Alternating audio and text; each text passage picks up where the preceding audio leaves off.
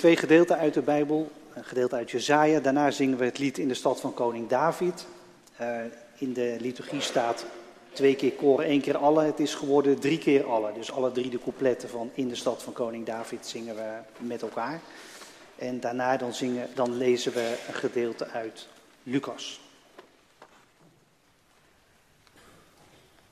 Jezaja 9 vers 1 tot 6. Het volk dat in duisternis ronddolt, ziet een schitterend licht. Zij die in het donker wonen, worden door een helder licht beschenen. U hebt het volk weer groot gemaakt. Diepe vreugde gaf u het. Blijdschap als de vreugd bij de oogst. Zij jubelen als bij het verdelen van de buit. Het juk dat op hen drukte, de stok op hun schouder, de staf van de drijver, u hebt ze verbrijzeld, zoals Midian destijds. Iedere laars die dreunend stampte en elke mantel die doordrenkt is van bloed, ze worden verbrand. Ze vallen ten prooi aan het vuur. Een kind is ons geboren, een zoon is ons gegeven. De heerschappij rust op zijn schouders. Deze namen zal hij dragen: Wonderbare raadsman, sterke God, eeuwige Vader, vredevorst. Groot is de heerschappij en zonder einde de vrede voor de troon van David en voor zijn koninkrijk. Ze zijn gegrondvest op recht en gerechtigheid en staan vast voor altijd en eeuwig. De Heer van de hemelse machten brengt dit in zijn vurige liefde tot stand. Lucas 2, vers 1 tot 20. In die tijd kondigde keizer Augustus een decreet af dat alle inwoners van het Rijk zich moesten laten inschrijven. Deze eerste volkstelling vond plaats tijdens het bewind van Quirinius over Syrië. Iedereen ging op weg om zich te laten inschrijven, ieder naar de plaats waar hij vandaan kwam. Ook Jozef ging op weg om zich te laten inschrijven. Samen met Maria, zijn aanstaande vrouw die zwanger was, reisde hij van de stad Nazareth in Galilea naar Judea, naar de stad van David, die Bethlehem heet, aangezien hij van David afstamde. Terwijl ze daar waren, brak de dag van haar bevalling aan. En ze bracht een zoon ter wereld, haar eerstgeborene. Ze wikkelde hem in doeken en legde hem in een voederbak, omdat er voor hen geen plaats was in het gastenverblijf. Niet ver daar vandaan brachten de herders de nacht door in het veld. Ze hielden de wacht bij hun kudde. Opeens stond er een engel van de Heer bij hen en werden ze omgeven door het stralende luister van de Heer, zodat ze hevig schrokken. De engel zei tegen hen: Wees niet bang, want ik kom jullie goed nieuws brengen, dat grote vreugde betekent voor heel het volk.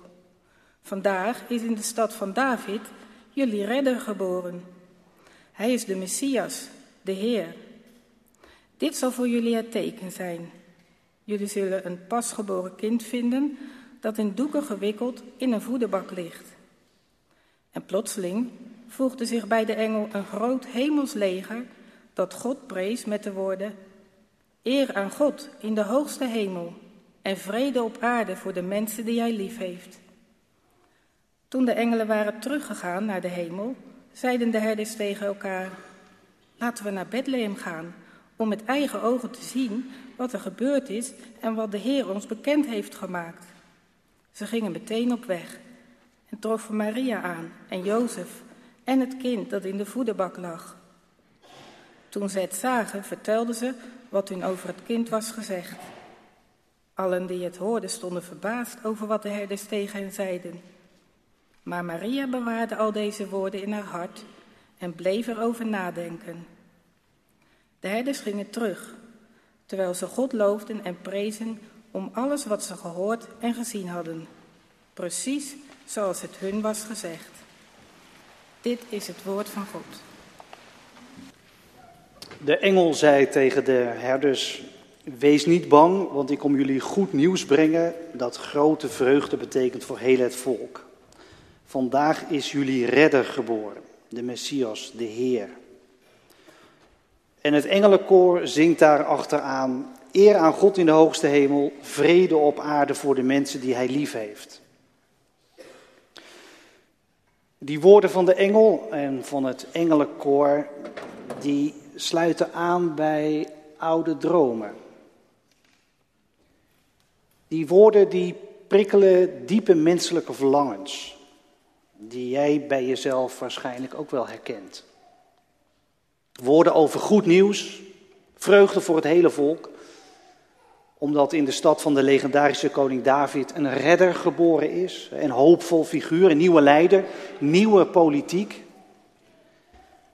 Eindelijk iemand die nu eens echt iets gaat doen aan de grote problemen in deze wereld en in ons leven, in ons land.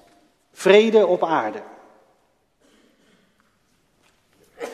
En dat woord vrede in de Bijbel betekent heel veel eigenlijk.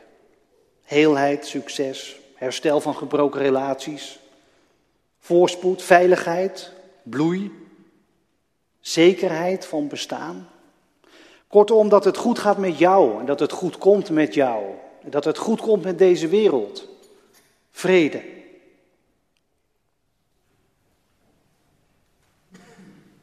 Die engelen sluiten aan bij oude dromen, bij diepe verlangens naar betere tijden. wie heeft ze niet, zulke verlangens? In Rotterdam hebben ze zulke verlangens.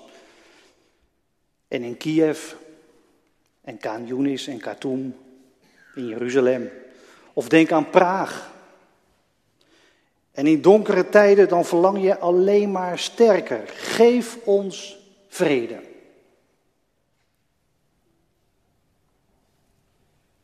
De woorden van de engel over het goede nieuws aan de redder en de vrede, die riepen voor die herders herinneringen op aan oude teksten waarin ook al vervulling werd beloofd van onze dromen van vrede. Teksten zoals het boek uit het boek Jezaja. We hebben ook zo'n oude tekst gelezen. In de tijd van de geboorte van Jezus was die tekst al zo'n 600 jaar oud. En die tekst die kondigt licht aan voor het volk in het duister. Een nieuwe glans, grote vreugde. Een einde aan marcherende soldaten. Omdat een kind geboren is. Heerser, wonderbare raadsman, sterke God, eeuwige vader, vredevorst, zo wordt hij genoemd. Met een vrede, een heelheid en een bloei die nooit meer overgaat. Nu wij die tekst lazen vanavond, is die tekst inmiddels al bijna 3000 jaar oud, moet je nagaan. En nog zo krachtig, die taal.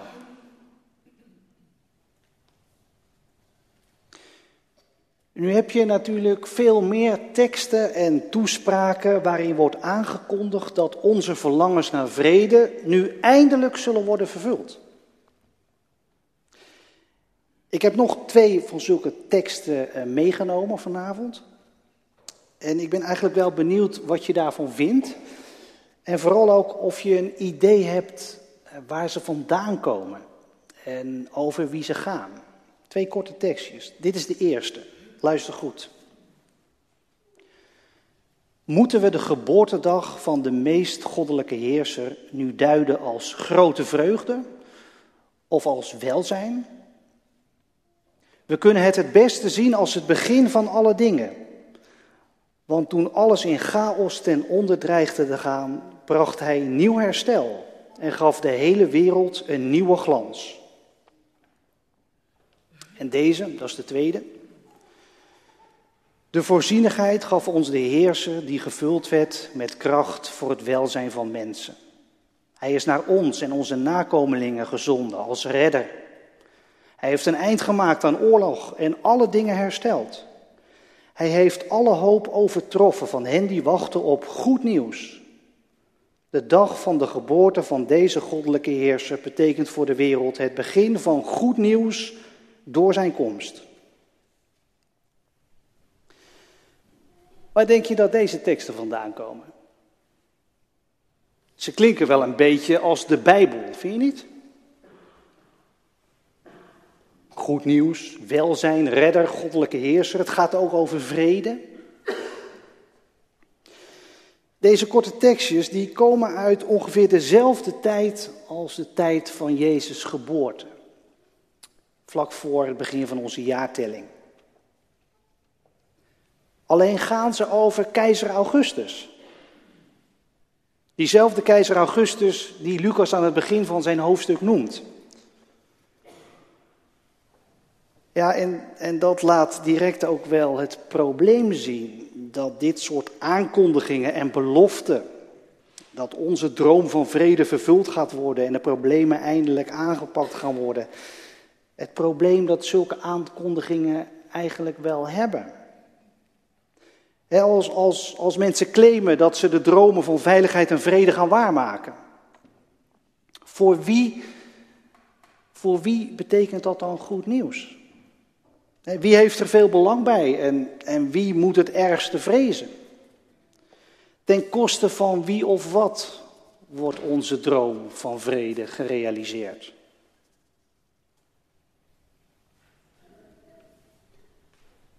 In de verkiezingstijd deden politici ook dergelijke beloften. Over vrede en voorspoed, veiligheid, bestaanszekerheid. En ze zeiden net als de engel dat het voor het volk was. Alleen dan wel eigen volk. Kijk, ik geloof zeker in, in politici met goede wil, absoluut. Maar bij sommige plannen die gepresenteerd werden, vraag je je wel af wie horen er dan bij dat eigen volk? En je kunt lang en kort praten over rechtsstatelijkheid of over de grondwet.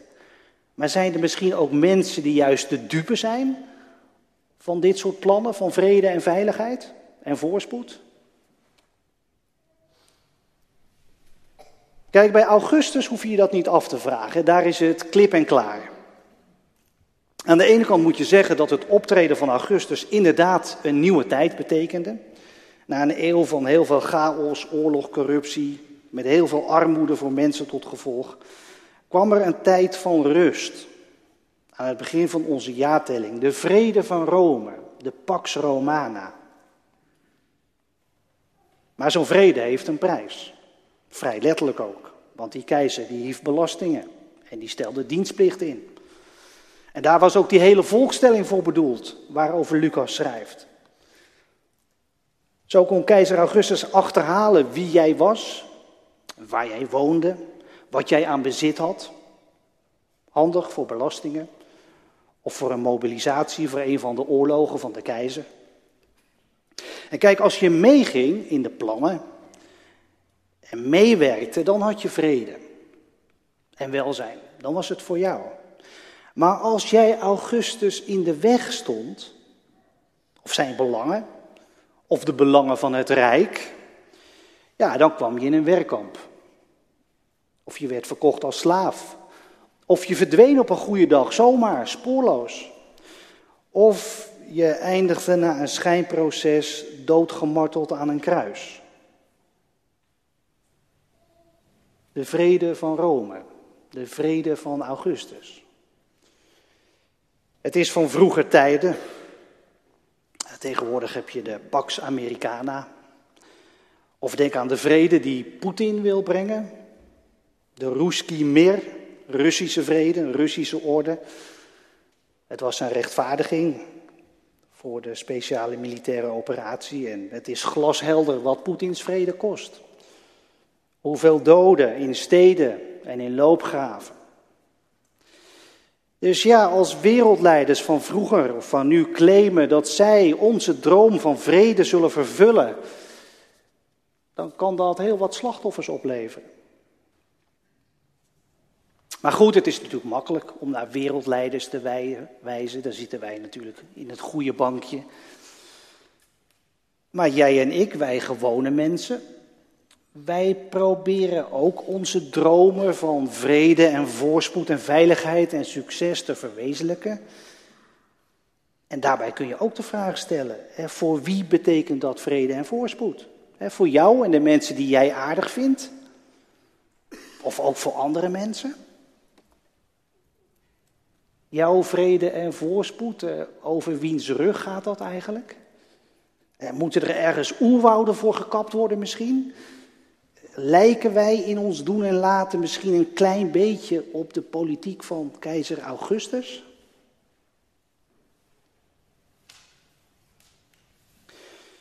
In het kerstgebeuren komen engelen dus vertellen dat God aankondigt dat Hij die oude droom, dat diepe verlangen van vrede gaat verwezenlijken. En de schrijver van het kerstverhaal, Lucas, hij maakt in zijn evangelieboek het grote verschil duidelijk met de politiek van Augustus. Hij noemt keizer Augustus en zijn volkstelling niet voor niks aan het begin van zijn verhaal. En dat is echt niet alleen maar voor de datering van de geboorte van Jezus.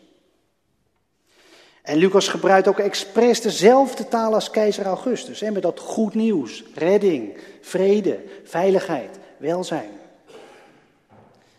En dat doet hij om te laten zien dat Gods plan voor vrede en redding, dat hij in Jezus ten uitvoer brengt, dat Gods plan botst met de politiek van Augustussen. Augustussen van toen en van nu.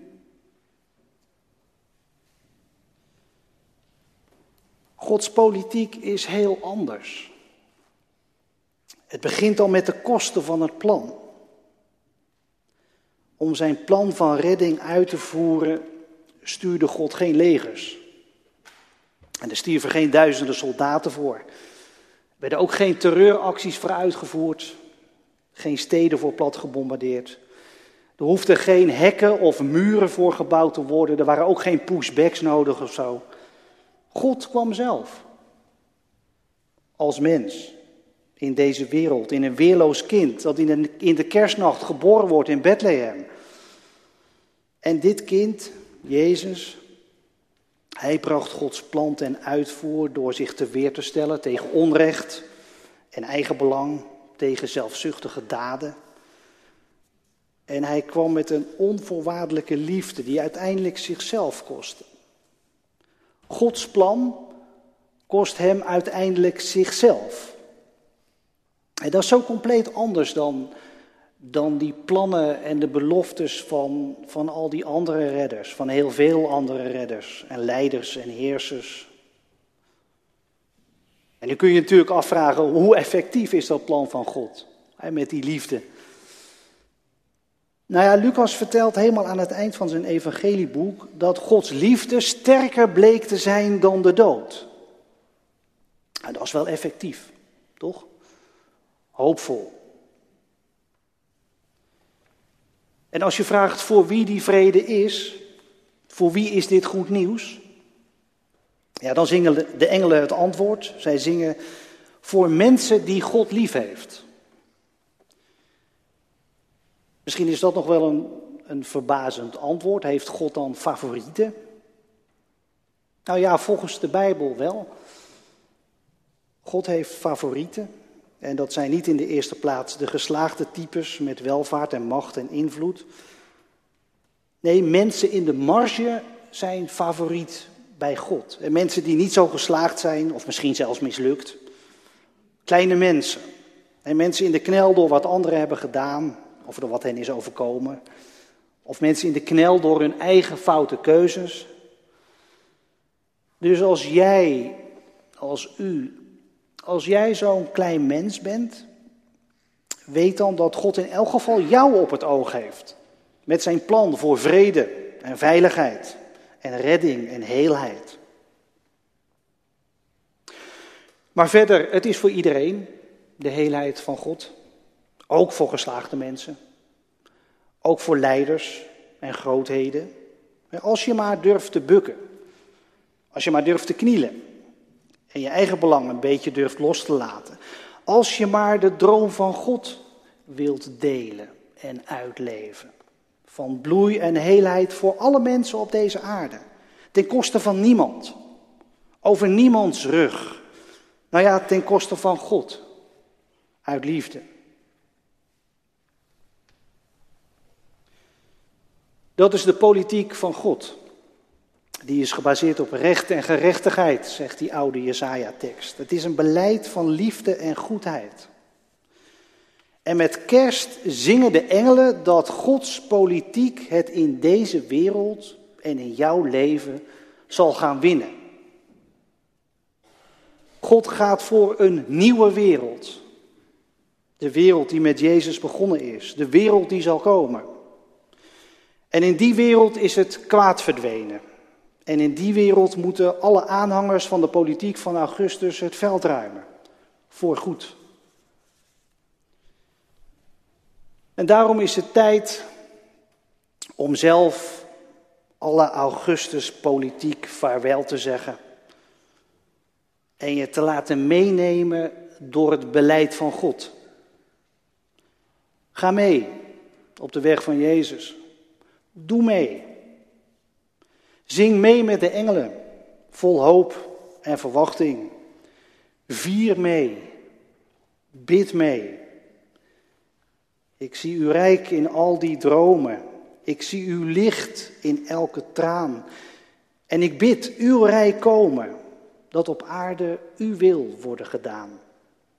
Geef ons vrede, schijn in de donkere nacht. Geef ons vrede waarop de schepping wacht. Amen.